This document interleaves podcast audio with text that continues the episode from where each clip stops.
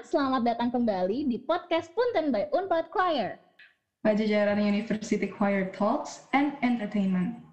Nah, gila nih Bir. Kita udah masuk ke episode berapa nih Bir? Episode ketiga nih teh. Wah, Udah lama ya episode kedua. Kapan ya Bir ya? Iya, Kita baru bisa kembali lagi nih di episode ketiga kali ini. Semoga ada masih ada yang nungguin kita ya.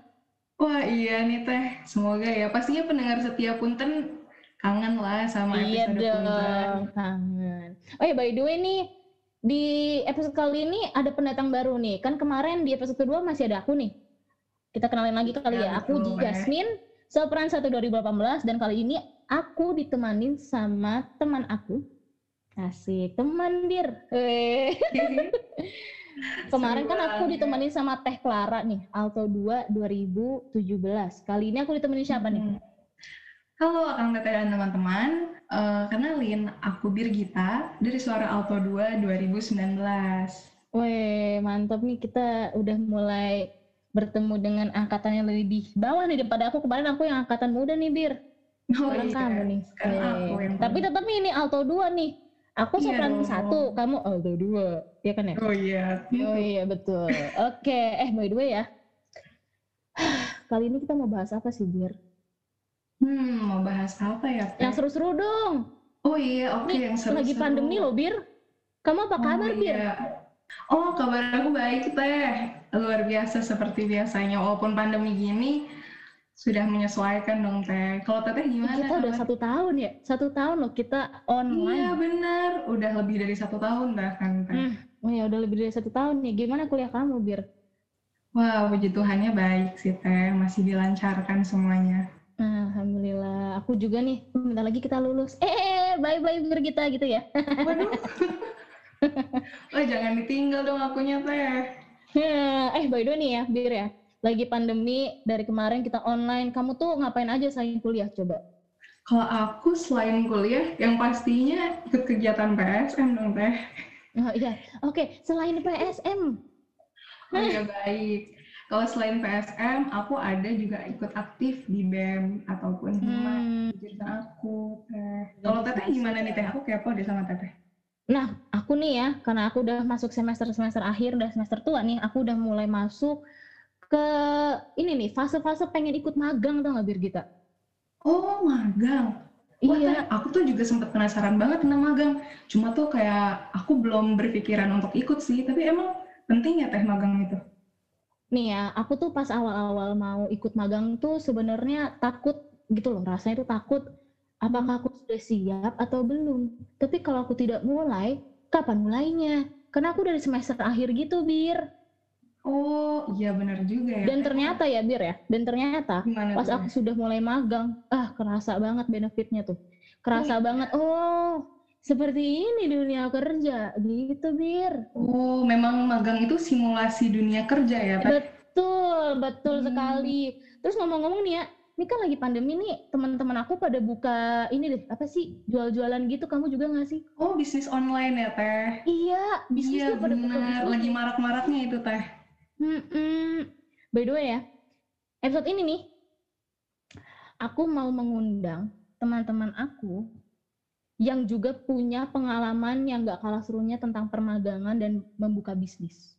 Wah, aku penasaran banget sih Teh. Aku Iya, nggak sabar. Penasaran? Masa nggak penasaran, Bir? Iya nggak? Ini sama-sama anak PSM juga nih, Bir. oh iya, Iya, emang jadi hebat-hebat nih anak PSM Unpad. Udah mah aktif di PSM, mereka juga bisa aktif loh di luar PSM.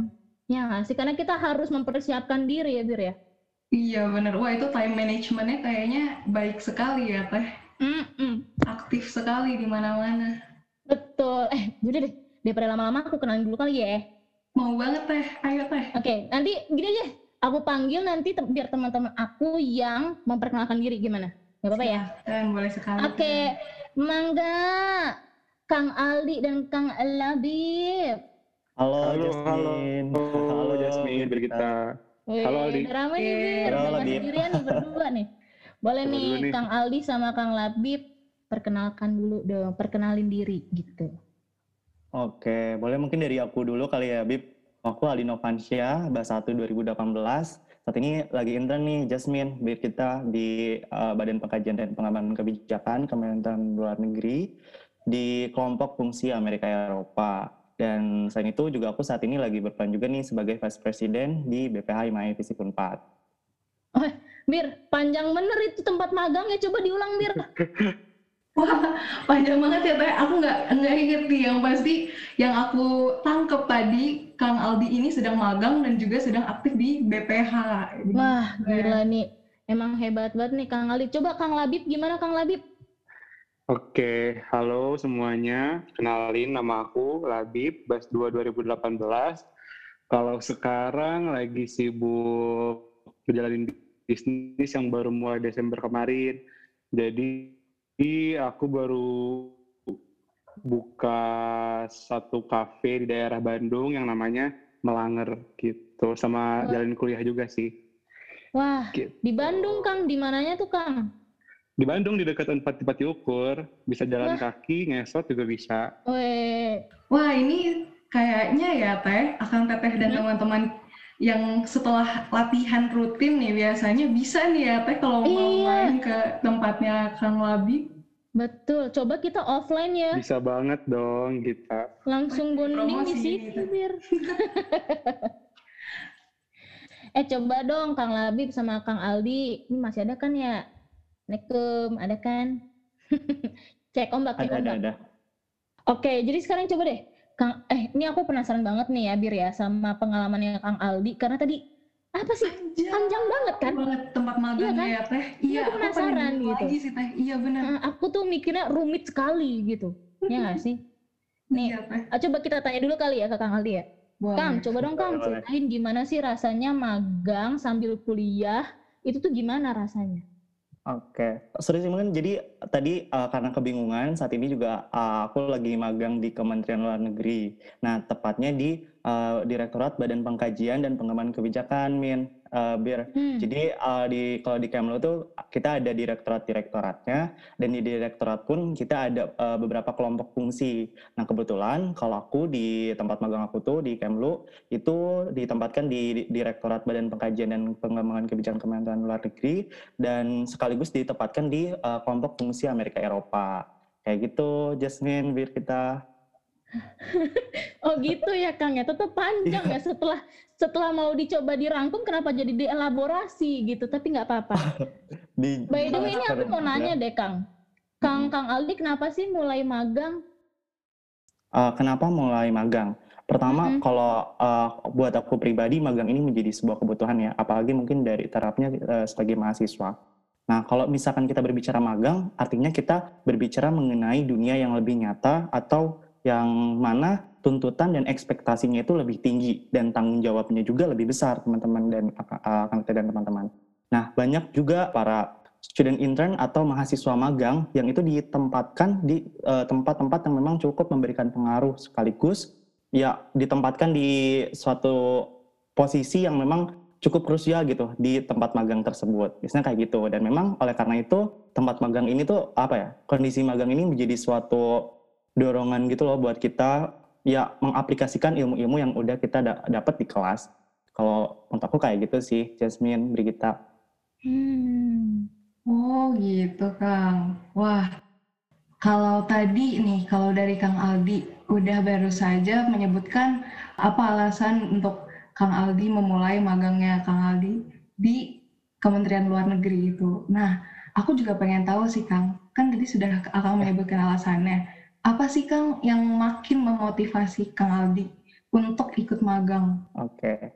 Yang pertama mungkin dari kesadaran dalam diri dulu mungkin ya, Brik. Jadi kalau aku menyadari bahwa selama empat tahun kuliah ini, alangkah baiknya selama proses perkuliahan itu kita mengaplikasikan diri, mengaktualisasikan ilmu-ilmu yang telah kita dapat selama di kelas. Dan menurut aku salah satu cara terbaik untuk mengaktualisasikan ilmu yang ada di kelas yaitu dengan magang, Fir. Jadi ketika aku menyadari hal tersebut, aku coba untuk merelokasikan apa yang telah aku dapat di kelas dengan dunia yang akan aku hadapi nantinya. Nah, karena aku pikir mungkin aku dari jurusan HI, aku berpikir bahwa nanti mungkin akan mempunyai relevansi bidang ilmu di Kementerian Luar Negeri. Nah, aku coba untuk merelevansikan itu, mengaktualisasikan ilmu di sana dan ternyata ketika di sana juga seneng juga bir karena di sana nanti uh, aku ada semacam mentornya juga yang mana dia juga kayak memberikan arahan juga memberikan pemahaman sekaligus misalnya open idea atau membuka ide dan gagasan bagi para peserta mahasiswa magang untuk ngasih idenya, ngasih uh, pendapatnya juga. Terus kita juga kan ditempatkan di posisi-posisi yang memang, oh ya, maksudnya di, diberikan kesempatan gitu untuk menduduki posisi-posisi yang memang kayak sebagai MC gitu di acara webinarnya yang skalanya udah internasional, terus kayak kita ikutan meeting bener-bener meeting dan kita jadi uh, notulensi gitu-gitu. Apalagi ya banyak sih ngebantu juga para diplomat untuk memenuhi tugas dan fungsinya. Uh, banyak sih yang aku dapatin selama magang. Jadi itu juga jadi satu hal yang memang uh, aku patut syukuri dan jadi refleksi dalam diri aku aja sih paling gitu sih biar hmm. wah aku mau nanya deh kang boleh nggak nih boleh dong Min itu berarti kalau misalnya kita mau magang nih kita mau mulai magang hmm. apakah memang harus selalu tempat magangnya tuh relevan dengan jurusan kita. Karena kan istilahnya kan kita, misalnya nih aku kan televisi dan film nih Kang ya. Nah okay. aku boleh gak sih magang di tempat panjangnya Akang itu? Boleh dong, kalau di Kemlu sendiri ya, enggak itu enggak hanya terbatas bagi jurusan uh, hubungan internasional aja. Teman-teman dari jurusan sastra Inggris, sastra Prancis, Kemudian teman aku juga ada yang dari ilmu komunikasi, itu tetap join kok, tetap magang. Karena magang sendiri menurut aku adalah tempat atau wahana untuk belajar gitu. Jadi banyak major pun boleh, banyak jurusan pun boleh untuk uh, belajar gitu di Kemlu. Kayak gitu sih. Dan hmm. aku pun pernah kok magang di selain di Kemlu, magang di tempat lain yang memang itu eh, nggak uh, sejalan juga gitu dengan apa ya namanya. Nggak sejalan dengan jurusan aku gitu loh, Min. Jadi hmm. uh, bisa-bisa aja kok. I see. Yang penting Mantap mau dan nih, ya. mau untuk mulai gitu. Eh, berarti emang harus mau mulai ya Kang ya? Betul. Karena mau itu yang terpenting. Nih kita dari tadi ngomong sama Kang Aldi nih ya. Ini ngomong-ngomong Kang Labib, pernah nggak sih Kang kepikiran mau ikut magang sebelum buka bisnis? Hmm, pernah nggak ya? Sebentar coba aku pikirin dulu ya. Soalnya aku emang kalau dari mulai kuliah itu uh, dari jurusan aku kan emang nggak ada ketentuan sebelum lulus harus magang. Jadi sebenarnya nggak pernah kepikiran sih. Yang yang yang sering aku pikirin itu justru emang memulai bisnisnya itu karena kebetulan emang cita-cita aku dari kecil karena ngeliat ayah aku, jadi aku emang pengen terjun di bidang bisnis gitu. Kalau untuk magang kayak belum deh. Teman karena tadi dengar cerita dari Aldi jadi tertarik sih sebenarnya pengen magang-magang kayak gitu. Nih, kalau kira-kira kira-kira nih Kang Labi kalau misalnya mau magang mau magang ke mana Kang? Mau di Kemlu-nya Kang Nah Aldi iya juga itu teh. Ke mana tuh Kang kira-kira? Bisa kayak di, di uh, fungsi Timur Tengah kali ya. Oh iya bisa juga. Boleh sih. Kan udah ada orang dalam nih Aldi kira-kira bisa nggak ya? eh ngomongin orang dalam nih, aku pengen nanya juga nih ke Kang Aldi. Kalau magang-magang gitu atau kerja-kerja kayak gitu part time mungkin kali ya kalau misalnya untuk uh, anak perkuliahan itu penting nggak sih untuk punya orang dalam atau mungkin bahasa yang lebih sopan ya mungkin kali ya uh, perlu nggak sih kita punya hmm. koneksi? Oke okay. relasi atau koneksi penting banget yes. dong. Nah tapi sebelum aku ke sana kita mulai dulu kali ya dari startnya dari produktif karena kayak kalau kita produktif kita akan mendapatkan relasi itu sendiri. Jadi tuh Bin kalau menurut aku pertama yang harus kita lakukan adalah memproduksivitaskan diri kita. Nah, apa sih itu produktif? Uh, bagi aku, produktif itu adalah sebuah kegiatan atau aktivitas atau habit juga yang bisa kita yang kita lakukan dalam uh, kurun waktu yang sering kita lakukan lah pokoknya gitu. Nah, seminimal-minimalnya itu bermanfaat untuk diri kita sendiri. Bagus kalau misalkan bermanfaat juga buat orang lain. Nah, artinya dalam hal ini produktif ini adalah sebuah kebiasaan yang positif dan bermanfaat. Nah, berangkat dari produktif itu, sebenarnya kita juga bisa tuh merelevasikan dengan kegiatan-kegiatan kita ketika kita punya kemauan untuk menjadi lebih produktif lama kelamaan itu kita bisa jadi uh, dapat koneksi gitu nah dari koneksi atau rel apa relasi yang di tadi disampaikan oleh Jasmine uh, penting atau enggak justru itu sangat penting. Kenapa? Karena uh, dari berangkat dari sana kita jadi tahu nih kayak ke depan kita mau ngapain terus kayak relasi ini juga bermanfaat juga kayak untuk apa ya mempermudah segala urusan-urusan kita gitu loh. Hmm. gitu. Di hal-hal yang situasinya yang tidak terkirakan kayak gitu sih jadi penting untuk mantap Wah, inspiratif banget setuju. nih jawabannya. Wah, Kang Labib oh, juga Kang Labib aja sampai setuju loh. Setuju juga, Nah, tadi kan Kang Aldi menyebutkan produktif ya, Kang, untuk kita harus memulai, uh, apalagi untuk pada akhirnya kita bisa menghasilkan sebuah koneksi atau relasi. Nah, Kang, ngomong-ngomong soal memulai, aku aku kan masih semester 4 nih, Kang. Dan kalau di lingkungan aku itu belum ada yang memulai untuk magang.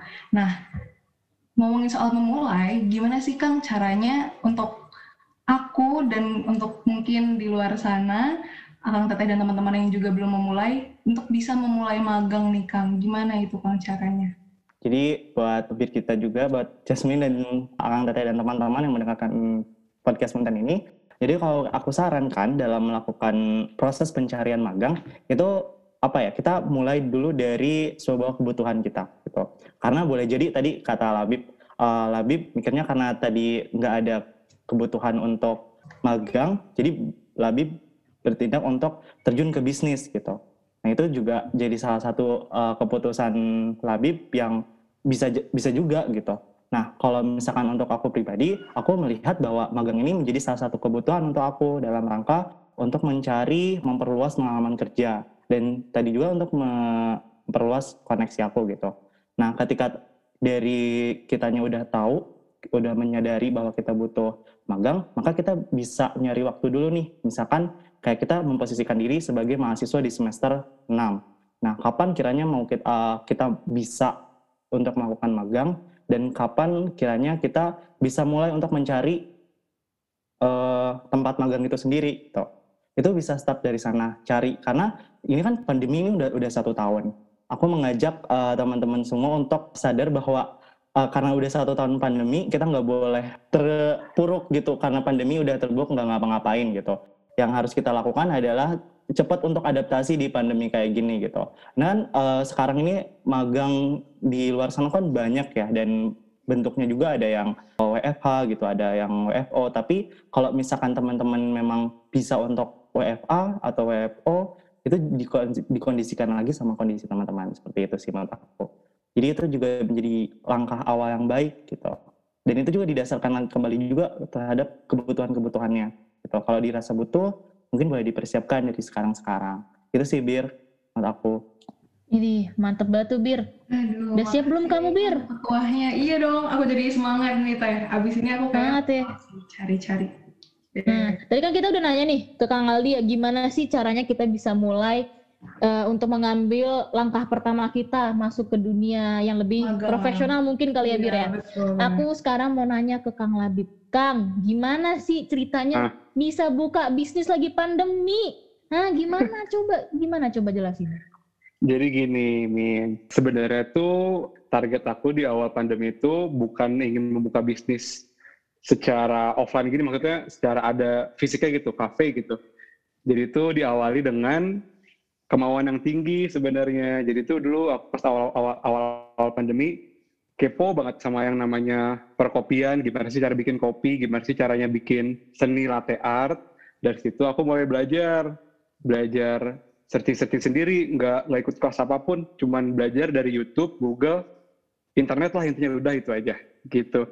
Terus udah belajar terus, udah jalan tiga bulan, abis itu aku kepikiran buat iseng-iseng ngejalanin hobi sama udah ada basic nih di kopi, iseng-iseng pengen jualan lah kopi yang cuma sekedar kopi botolan untuk dijualin ke anak-anak PSM kayak gitu tadinya tuh kepikirannya. Kapan Kang nggak pernah dijualin Kang?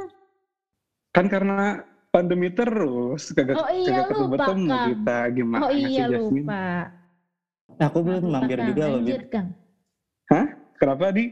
Belum mampir juga tuh ke kafenya. Parah, kemarin nggak jadi sih Aldi.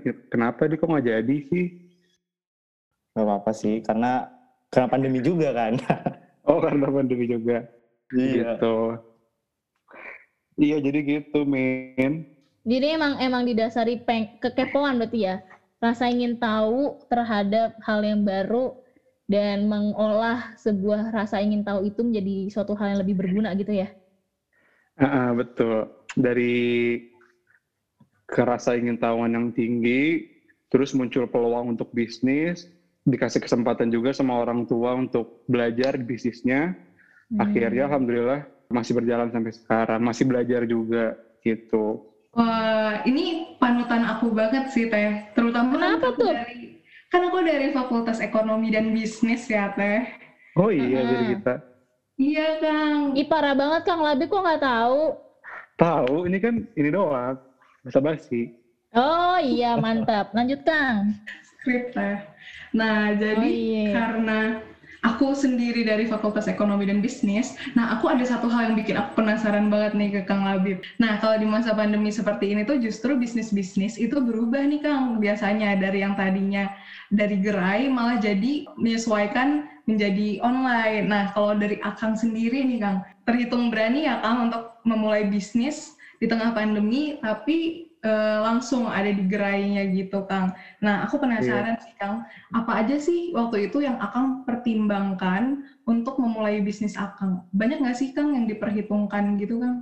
Eh, sebenarnya banyak sih karena kan aku di sini juga bisnisnya berdua ya jadi alhamdulillah bisa diskusi banyak sama saudara aku jadi aku tuh bangun bisnis ini melanggar tuh berdua sama saudara aku kebetulan dia anak unpad juga dari sastra Indonesia nah dari sana kita eh, banyak diskusi banyak riset juga kenapa pada saat pandemi ini banyak banget coffee shop yang buka justru pada saat pandemi dari situ kita cari tahu dan pas udah ketemu ternyata memang budaya nongkrong di Bandung ini udah balik lagi meskipun pandemi masih jalan. Maka dari itu aku eh, beraniin diri nih buat ngebuka bisnis secara offline dengan pertimbangan juga kita tentuin target-targetnya misalkan eh, dengan kondisi pandemi kayak gini kita harus capai target selling tuh berapa dan konten-konten apa aja yang bisa buat narik orang datang ke kafe kita meskipun dalam dalam keadaan pandemi kayak gitu. Sebenarnya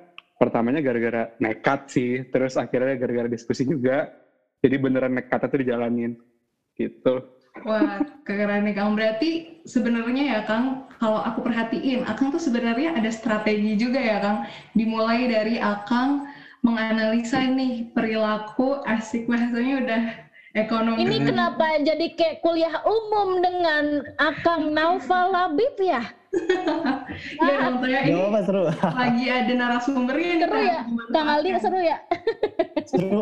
Justru malah malah kepikiran oh iya ya. Setuju juga sih kata Labib. Mungkin kayak pandemi ini bisa jadi uh, cara untuk produktif di bidang bisnis kayak bisa dimanfaatin gitu. Iya, benar banget tapi- banget. Mumpung lagi online juga kan kuliahnya, jadi punya waktu cukup banyak juga buat mikirin hal lain kayak gitu. Ah iya, benar banget. hebat Memanfaatkan nih. momentum. Aku aku jadi minder nih, Bir.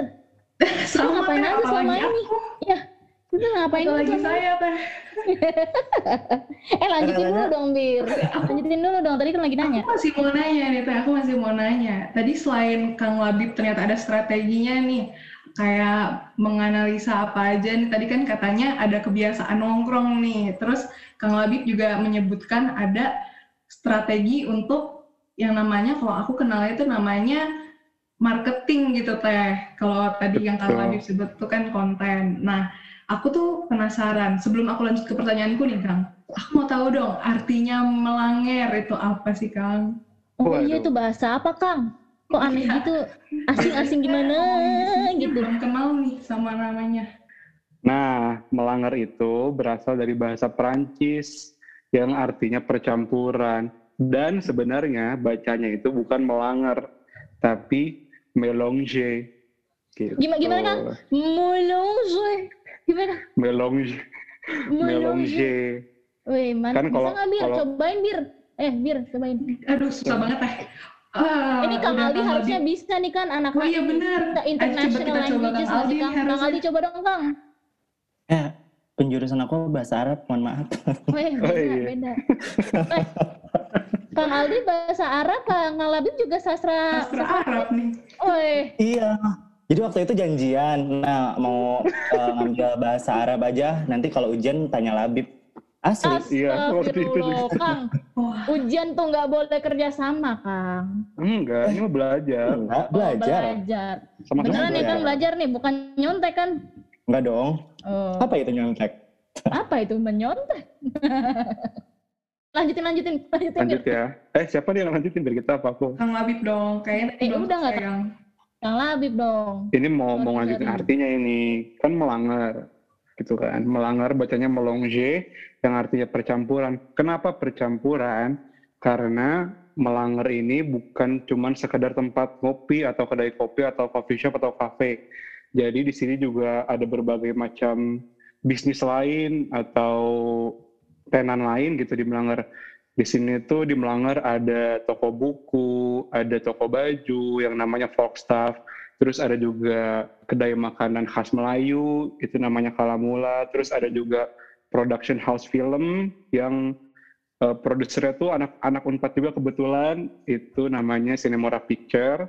Terus ada juga satu lagi, ini studio desain interior, eh, yang namanya Studio Sini. Maka dari itu kita kita tentukan namanya melanggar, jadi bercampur, bercam- cam- percampuran gitu. Ada bisnis kopi, ada bisnis makanan, ada bisnis retail, yaitu baju dan toko buku, ada production house-nya juga, dan juga ada studio desainnya juga, kayak gitu.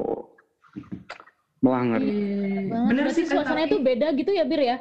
Iya, Biasanya kan bener. coffee shop itu tuh hanya kopi dan nongkrong kopi gitu dan ya. makanan, Iya, kalau ini Hmm. teh banyak ada production house bahkan. Keren Hmm, banget sih teh. banget. Keren. Kan aku terakhir juga ke tempatnya Kang Labib nih. Wah, unik banget. Iya. Coffee Wah, shop-nya. Aku belum pernah nih, aku jadi iri. ke Hmm. Bandung. Wah, juga. Jasmine parah. Nanti ya, nanti ya pas udah mulai mereda ya. Oke, Eh, by the way nih, ya aku kalian semua. Oke, ditunggu juga nih para pendengar punten ya di boleh dong Kang, plugin plugin. Eh, plugin Boleh. bahasanya. Coba-coba dong Halo, promosiin. Boleh, boleh. Oke, jangan lupa ya Akang Teteh dan teman-teman semua datang ke Melanggar di Jalan Haji Wasit nomor 5 dekat Unpad di Pati Ukur dan jangan lupa tetap patuhi protokol kesehatan yaitu 3M. Apa aja tuh Kang? Mantap. Mantap, mantap, mantap. Itu bukan Kang? Betul, mantap, mantap, Oh. mantap. Jangan lupa ya teman-teman, akan Tete dan teman-teman yang mendengarkan langsung pergi cus ke Bandung ya, ya Bir ya. Enak kan ya Bir ya Betul. tempatnya ya Bir? Enak banget teh. Tapi benar sih kata Kang Labib, jangan sampai lupa protokol kesehatan. Mm-mm, betul. Oh ya, aku mau nanya deh ke Birgita, ke Labib ya. Apakah kalian tahu ternyata di sini juga ada mahasiswa berprestasi? Berprestasi gimana tuh teh? Ya ini Jasmine ya? yang lagi diem. Eh, amin. Hey, amin. Kita semua berprestasi. Eh, jangan-jangan lebih ya, berprestasi, ini. hey. Kang Aldi ini berprestasi sekali loh, Bir. oh, wow. Jadi Ikut selain beasiswa magang, loh. wah, selain magang dapat beasiswa juga teh. Waduh, Keren Waduh, banget kan, Bib? Teh. keren banget. Coba dong Kang Aldi, jelasin beasiswa Halo. apaan? Oke, aku eh saat ini dapat alhamdulillah dapat beasiswa bintang mandiri dari Amal Islamic Foundation. Itu Hmm. beasiswa funding untuk eh, kuliah sekaligus mungkin pembinaan mental kebangsaan kayak pembina karakter dan lain sebagainya. Itu sih, Min, biar Itu itu gimana? Itu itu beasiswa yang kayak apa, membiayai gitu ya, Kang? Betul, itu uh, dari beasiswa tersebut aku selama kuliah itu alhamdulillah dibantu dari sisi pembiayaan, juga bantuan untuk penelitian dan Hmm. pembentukan karakter pembinaan kebangsaan kayak gitu-gitu sih. Lebih ke Hmm. apa ya? uh, personal development gitu. Hmm, mantep banget. Bir. Paket lengkap banget ini teh. Paket lengkap banget ini Aldi. Wow. Ya, Sebenarnya itu karena aku nyari kesempatan aja sih. Nah, itu nyari kesempatan gimana sih, Kang? Kita kan selalu kita selalu apa ya, nemu gitu kesempatan untuk mengikuti Hmm. beasiswa. Nah, itu tuh apa ya seberapa pentingnya sih untuk kita uh, apply gitu ya kita mendaftarkan diri untuk beasiswa gitu sekarang kayak buat apa gitu beasiswa tuh sekarang untuk apa sekarang Kang? Nah penting atau enggaknya menurut aku pribadi itu penting ya karena uh, beasiswa itu sekarang tuh banyak banget uh, bentuknya. Ada beasiswa yang funding kita untuk kuliah. Ada beasiswa yang memang bentuknya itu mentorship. Jadi kayak uh, kita dapat mentor terus kayak pelatihan uh, apa ya namanya pelatihan personal branding dan sebagainya gitu ya. Ada juga beasiswa pokoknya banyak deh bentuk-bentuk beasiswa gitu sekarang. Nah kalau yang aku ikutin ini beasiswa yang dua-duanya dapat. Kayak fundingnya dapat kemudian pembinaannya juga dapat. Nah kalau cara mencari kesempatannya kayak gimana mungkin karena aku juga bingung ya jawabnya kayak gimana mungkin ini berangkat dari keberhasilan aku atas berhasilnya adaptasi di kondisi pandemi. Karena aku menyadari bahwa satu tahun pandemi ini kita nggak nggak bisa nggak bisa terus-terusan berdiam diri aja. Kita harus nyari peluang itu. Kita nggak bisa nunggu kesempatan itu datang, tapi kita harus nyari kesempatan itu gitu. Hmm, itu sih, Min. Jadi kebetulan karena mungkin ada keinginan untuk mencari, ya ketemu aja sih gitu. Yang penting hmm. ada maunya dulu dan kesadaran untuk untuk mulai itu sih kali Amin. Iya mantep Wah, banget Kang. Inspiratif banget teh. Aku suka banget harus ada kata tadi. harus ada maunya tapi jangan semaunya ya. Betul? Oh. Betul. Tadi kata-kata mutiara banget ya teh itu. Banget. Nggak boleh nggak boleh terus-terusan menunggu, tapi kita juga harus mengejar kesempatan yang ada gitu ya Kang.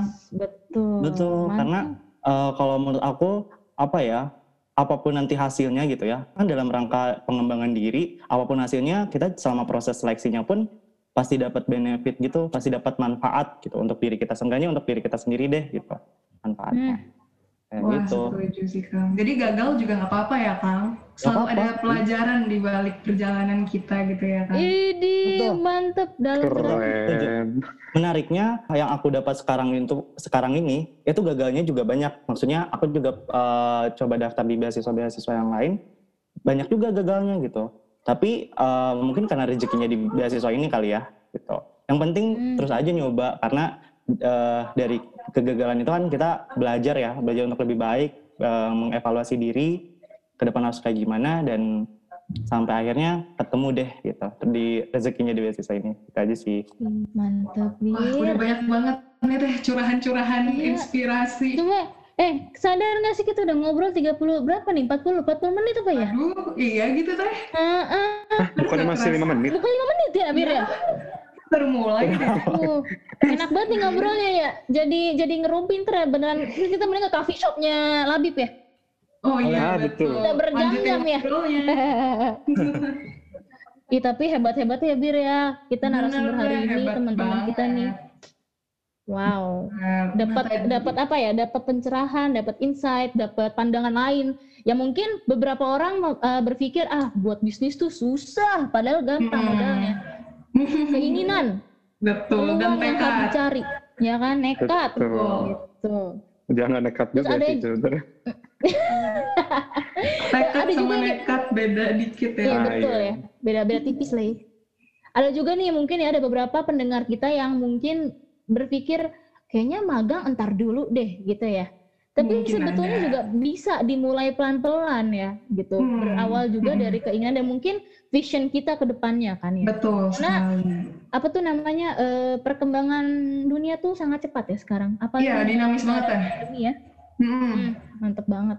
Jadi ya beruntung sekali kita pada kali ini kita mengundang teman-teman hebat kita dari PSM Unpad. Wis, tepuk tangan dulu. Rokok, rokok, rokok, rokok. Oke, nah tadi kan udah banyak banget nih teh ilmu yang bisa kita dapat hari ini banyak sekali inspirasi dan juga mm-hmm. motivasi nih dari Kang Aldi serta Kang Labib kalau tadi dari mm. Kang Aldi udah memotivasi kita untuk memulai magang dan juga untuk berani mengambil kesempatan lewat beasiswa lalu dari Kang Labib udah ada inspirasi untuk berani memulai bisnis nih teh. Betul. Nah, kayak belum afdol nih teh kalau belum dengar kata-kata pesan sebelum podcast ini pada akhirnya Iya. kita sudah Pesan untuk Hmm. ini ya, pesan terakhir untuk eh, para pendengar punten dari Kang Labib dan Kang Aldi, mangga dong. Ada pesan-pesan apa nih terkait produktivitas di selama pandemi di luar perkuliahan mungkin? Dari Labib dulu deh. Boleh, boleh. Pesan dari aku apa ya? Paling ini sih, kalau aku selalu senang, selalu suka gitu sama orang yang punya kemauannya tinggi dibanding dengan yang punya skill tinggi.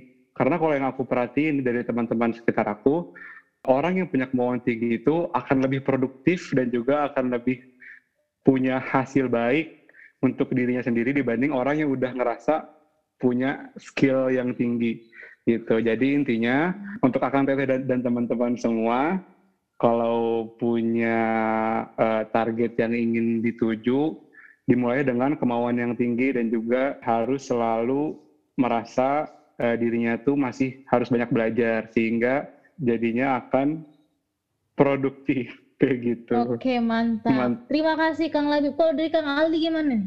Nah, mungkin melanjutkan yang Labib kali ya. Ah, mungkin kepada ah, teman-teman dan akan teteh pendengar setiap podcast punten, kita tahu bahwa empat tahun kuliah itu waktu yang sangat singkat gitu, nggak terasa banget gitu ya. Jangan sampai kita habiskan hanya berdiam diri dan menunggu kesempatan itu datang gitu. Tapi Setuju. sesuai tadi yang Labib ah, sampaikan, ada kemauan berusaha untuk ah, mencari kesempatan terbaik semasa ah, perkuliahan gitu sih. Kalau dari aku, itu mungkin Min, biar Ih. Bir, udah bijak banget nih kata-katanya udah mantep banget ya. Wah, ya ini emang dua akang panutan sih ini kak. Eh, semoga semoga juga bisa menginspirasi pendengar kita ya, Bir ya. Amin. Betul, semoga membawa manfaat juga bagi para pendengar podcast pun kan. Amin. Oke, karena itu juga menjadi closing statement kita pada episode kali ini. Mari kita ucapkan hatur nuhun kepada Kang Aldi dan Kang Labib yang sudah mau nih bercerita bercerita nih cerita-cerita pengalaman, sharing insight sama apa memberikan uh, motivasi kepada para pendengar yang mungkin saat ini lagi perlu banget nih motivasi itu ya nggak Bir? Betul teh. Jadi terima kasih Kang Labib dan Kang Aldi semoga nggak bosen ya. Terima kasih Jasmine, kita. Makasih juga Iya. semuanya, Jasmine dan Kebetulan Birgita. Kang Labib juga kemarin juga abis cerita-cerita Bir, tahu nggak Bir? Oh iya. Iya, nah buat buat teman-teman akan teteh dan teman-teman yang nggak tahu pasti belum mendengarkan episode sebelumnya, betul? Eh, jadi jangan lupa dicek episode-episode sebelumnya setelah ini ya Bir ya. Oke siap teh. Di mana Bir? Di mana di Bir? Spotify-nya di mana nih? Di podcast Punten, podcast by Unpad Choir.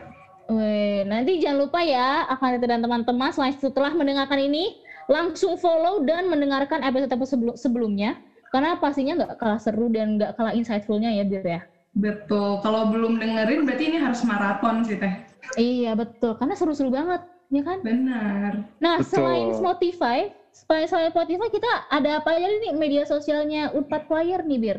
Oke, karena ada juga nih Akang Teteh dan teman-teman, boleh sekali nih di follow juga Twitternya di @unpadchoir, lalu di Facebook dengan nama Unpad Choir, boleh juga di follow Instagramnya @unpadchoir, majalah digital Voices di platform Issue Mhm. Unpad Choir, dan juga Instagram dan juga Shopee Unpad Choir Goods. Ih, Unpad Choir Goods itu yang khusus untuk merchandise-nya PSM Unpad ya Bir kita Iya, ya. benar banget merchandise. Oke, karena ini sudah Keren. sudah lama banget nih daripada nanti pendengar kita tertidur mendengar dongeng-dongeng kita.